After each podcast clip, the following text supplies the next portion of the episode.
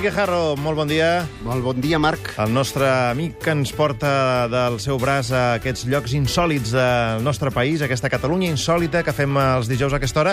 Avui vols parlar d'asteques, perquè els asteques els situem a, a Centroamèrica, Com és diguéssim. normal, com és eh? normal. Eh? Però tu ens explicaràs que hi ha, bé, llegendes o històries que els situen fins i tot als Pirineus, aquí a casa nostra. Així és, i t'ho confesso, és un dels meus eh, indrets i històries mm, preferides. Molt bé. Eh? Ens anem a Toloriu, a, a la comarca de l'Alt Urgell, estem a la Cerdanya, lloc meravellós, i que alhora té una història fantàstica que es relaciona amb una església del segle IX eh, i amb una curiosa història mm, d'etimologies, de, de l'emperador asteca, dels seus fills, i en concret d'una filla que hauria estat batejada eh, o cristianitzada amb el nom de Maria, inicialment es deia Chipaguacín, m'ha costat molt aprendre aquest nom, eh? I, que, i que sembla hauria vingut a Catalunya a casar-se amb un baró eh, català, amb un baró que era d'Andorra, però que va venir a viure a Toloriu, i que s'hauria fet enterrar després de morta amb el seu tresor imperial als voltants d'aquesta comarca.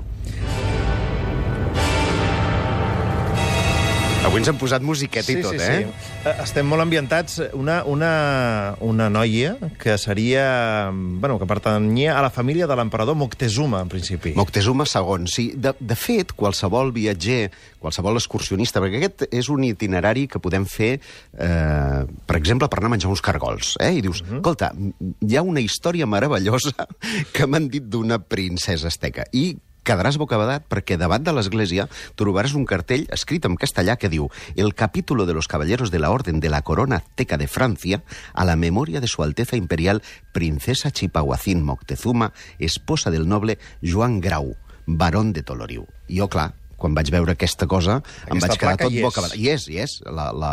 Però, clar, l'església no té sostre, és amb runa, eh, el, el poble és un poble de molt poquetes cases, tothom és com molt tancat, eh?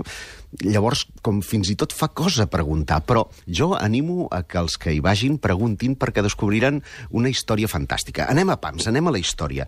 Efectivament, eh, al segle XVI, els eh, conqueridors espanyols arriben a Mèxic i, curiosament, són rebuts no, no a base de garrotades, sinó que mm, pràcticament, potser perquè ells tenien la idea dins la seva religió de que esperaven els, eh, el, el retorn dels seus déus, són confosos amb Quetzalcoatl i arriben pràcticament fins a la cuina.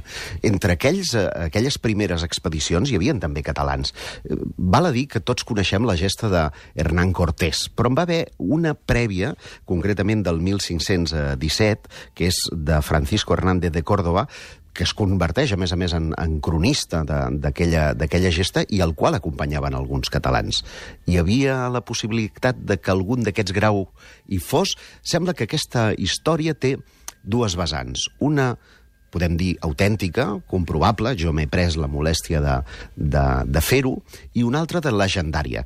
Però totes dues li donen um, un encant que és una història d'amor, de cercar tresors i, a més a més, d'una història, diguem-ne, d'identitat molt particular.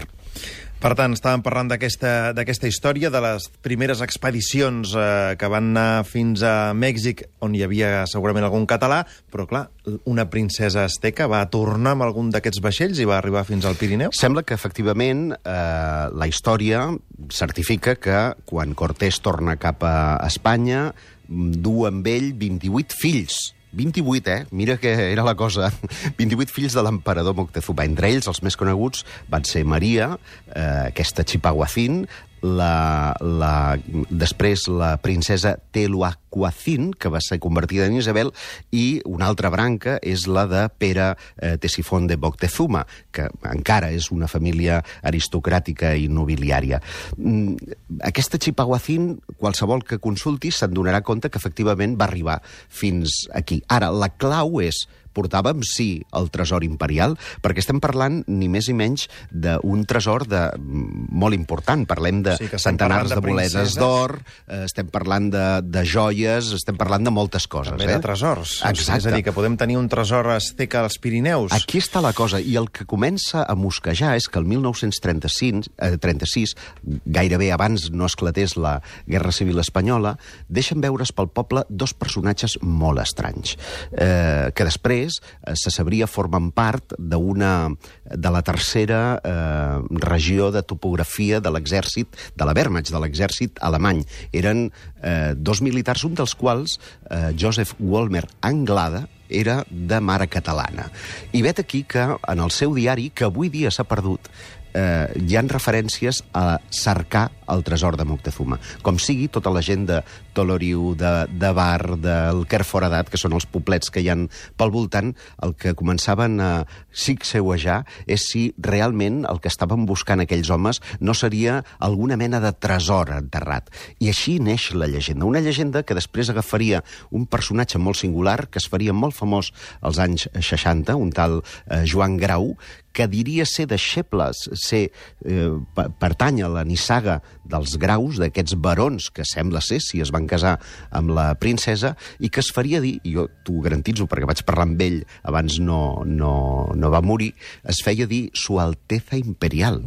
Un home molt particular, perquè després va ser detingut fins i tot per la policia per, uh, per haver comès estafa. Entre els estafats hi havia personatges molt importants, entre ells algun que altre eh, president del, del Barça, eh, perquè venia condecoracions i, estell, i, eh, i estrelles sota l'empar d'una associació que reivindicava ser eh, hereva de la corona asteca i que indiscutiblement doncs, era, era un frau. Però hi han coses que intriguen, Marc. Per exemple, qualsevol que vagi avui dia al, al, al Pirineu i vagi cap a aquesta zona, descobrirà entre, entre Toloriu i el Kerforadat que hi ha una, una masia molt antiga, antiquíssima, mil·lenària, que eh, rep el nom de Casa Bima. I Bima, en idioma asteca, significa senyora. Vol dir que aquesta casa eh, tenia alguna cosa a veure o hi havia viscut aquesta dona? Doncs és un dels interrogants que queden eh, per, per averiguar. Tal vegada hi ha una experiència dels anys 70 que va fer que molts parapsicòlegs visitessin el, el poble, d'uns pescadors que estan en una de les eh, vessants del Pedraforca, eh, remunten el riu Cadí i descobreixen un poble que no apareix en els mapes ni a la topografia, de nom Saumell, o almenys així és com ells ho recorden, en el que descobreixen una mena de graons amb una sèrie d'inscripcions que els recorden poderosament els asteques, ells no en tenien ni idea d'aquesta història, i surten com alma que pilla el diablo, perquè realment doncs, eh, es veuen espantats per una sèrie de... La llum dels lots se'ls apaga, comencen a experimentar una por, la suggestió, tot s'ha de dir, fa un paper molt important, i en Juli Roca Puntanyola, un dels parapsicòlegs que ja també ens va abandonar fa un grapat d'anys, eh, va començar a especular de si realment aquella història de la princesa podia tenir quelcom a veure amb alguna maledicció. Això va fer que cercadors de tresors d'arreu de, de Catalunya i també d'arreu de l'Estat i fins i tot d'arreu d'altres països s'apropessin fins a Toloriu buscant el cadàver de la princesa. Aquest eh, Guillem III de Grau Moctezuma, eh, aquesta, aquesta altesa imperial, ell estava convençut que hi, ha, hi havia la mòmia de la princesa allà i, i el tresor? No només això, ell estava convençut que era l'hereu de- d'aquest tresor i, de fet, va ell finançar i pagar algunes expedicions per, per tractar de demostrar que aquesta no era una història llegendària, que la princesa realment havia arribat, que s'havia endut el tresor i el que volia, el que demanava era el seu percentatge del tresor si, si es trobava. No? Però no es va trobar res. Mai es va trobar. Mm, Pensa que hi van anar centenars de persones.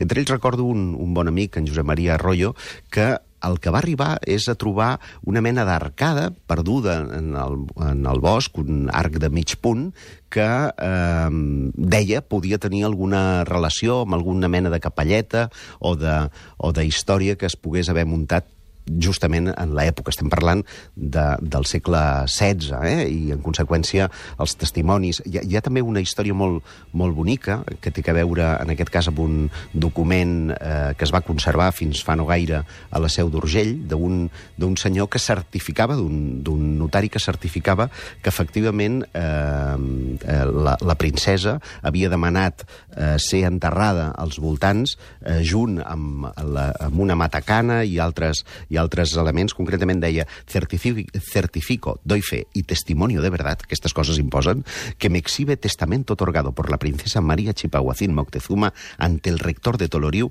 a 7 de noviembre de 1536 caram, és una cosa, eh, document notarial que es va perdre i, eh, malauradament, serien eh, claus que avui dia serien molt singulars per eh, poder treure l'aigua clara del que pot ser llegenda o del que no d'aquesta meravellosa història. Per tant, el que recomanem als nostres oients que s'apropin a Toloriu, que, que, que remenin, que preguntin, eh, que s'imbueixin d'aquest esperit asteca que, que es pot eh, notar en aquell, en aquell indret i, i que facin alguna cosa més, no? Que vagin... Sobretot una cargolada. Una cargolada? La, la recomano.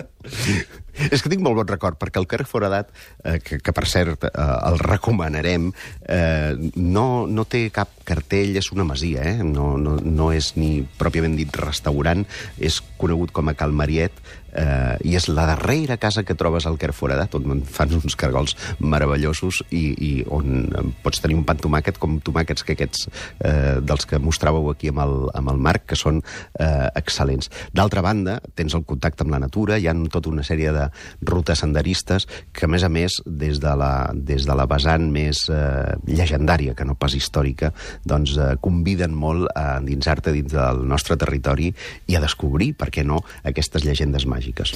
Doncs, eh, Josep Guijarro, moltíssimes gràcies per, per la proposta d'avui, sens dubte fascinant, i t'esperem dijous que ve. Molt bé.